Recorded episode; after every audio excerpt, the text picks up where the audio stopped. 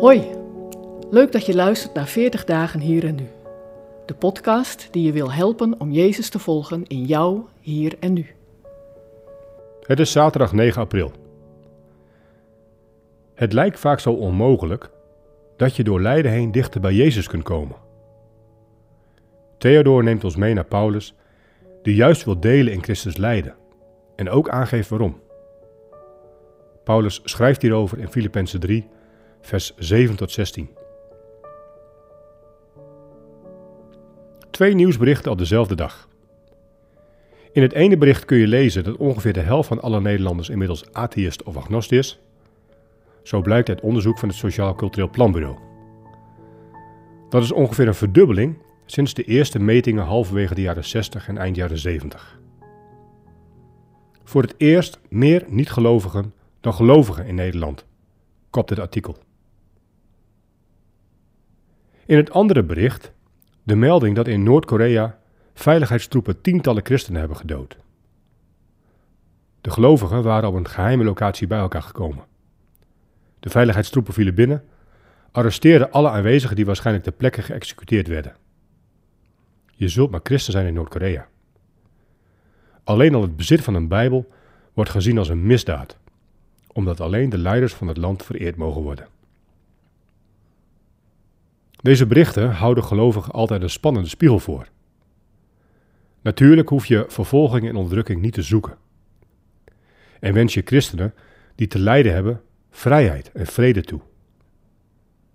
Maar het bijzondere is dat christenen die vervolgd worden vaak bidden voor christenen die in vrije en welvarende landen leven. Omdat juist die vrijheid en welvaart een bedreiging vormen voor het levend geloof. Je zult maar christen zijn in het land met materiële rijkdom, maar tegelijkertijd veel geestelijke armoede. Want juist in gevangenschap is levend geloof en geestelijke rijkdom te vinden. Zoals te merken is bij Paulus, die vanuit de gevangenis de brief aan de Filippenzen schrijft. In vers 8 zegt hij: Alles beschouw ik als verlies. Want alles wordt overtroffen door het kennen van Christus Jezus, mijn Heer omwille van wie ik alles heb prijsgegeven. In mijn ogen is het waardeloze troep, want ik wil Christus winnen en één met Hem zijn. Zo één dat Paulus zelfs wil delen in zijn lijden. Ik wil Christus kennen door de kracht van zijn opstanding te ervaren, door te delen in zijn lijden en aan Hem gelijk te worden in zijn dood, in de hoop ook zelf uit de dood op te staan vers 10. Als je Christus beter leert kennen, ga je nog meer van Hem houden. Hem beter leren kennen betekent zijn opstandingskracht ervaren. Maar je gaat ook delen in zijn lijden. Lijden omdat er dingen in je leven moeten afsterven die niet bij Jezus Christus passen. Lijden omdat je gevoeliger wordt wat er allemaal mis is in deze wereld, dichtbij en ver weg. Lijden omdat jouw geloof als niet relevant en achterhaald wordt gezien. Lijden omdat je mogelijk zelfs vervolgd wordt. Maar door het lijden heen begrijp je Hem nog beter. Wat Hij heeft doorstaan voor jou.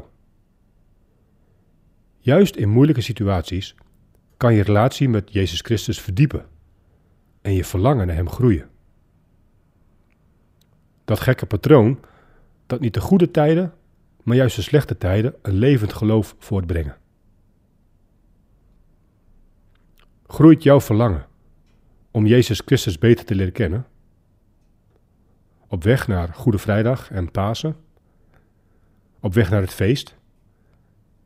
In goede en in slechte tijden? Laat je verlangen niet uitdoven door drukte en gedoe in een welvarend land. Laat je niet bang maken voor wat er in de toekomst allemaal zou kunnen gebeuren. Het zou nog wel eens tot een zegen kunnen zijn voor je geloof en een leven met Jezus.